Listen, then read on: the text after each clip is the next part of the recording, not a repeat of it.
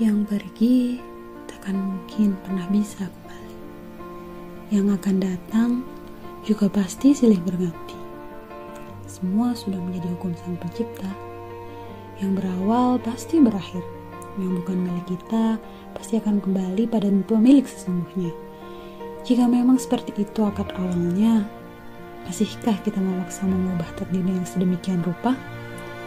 Masihkah kita menyiksa dan berpura-pura bahwa yang kita punya akan abadi selamanya? Kawan, ada kalanya kita tak bisa memaksakan. Ada kalanya kita harus menerima keadaan karena semua yang diperjuangkan kelak juga akan dipertanggungjawabkan. Lalu, apa yang membuat kita resah dan gelisah? Bahkan saat semua yang jadi candu hati sudah dituliskan suratannya.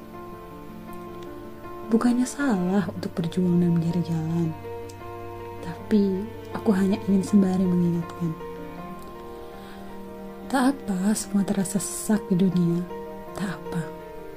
Saat kau berjuang dalam kebaikan, saat kau mencoba mengikhlaskan kehilangan, saat kau mengais kenangan pahit untuk kembali bangkit. Walau semua itu kau lalui sendiri, dalam sunyi, dalam sepi. Ingatlah bahwa hanya ada satu kunci. Lillah. Ihris alama yang fa'uk. Wasta'in billahi wala ta'jas. Bersungguh-sungguhlah untuk mendapatkan apa yang bermanfaat bagimu dan mintalah pertolongan kepada Allah dalam setiap urusan serta janganlah sekali-kali engkau merasa lemah.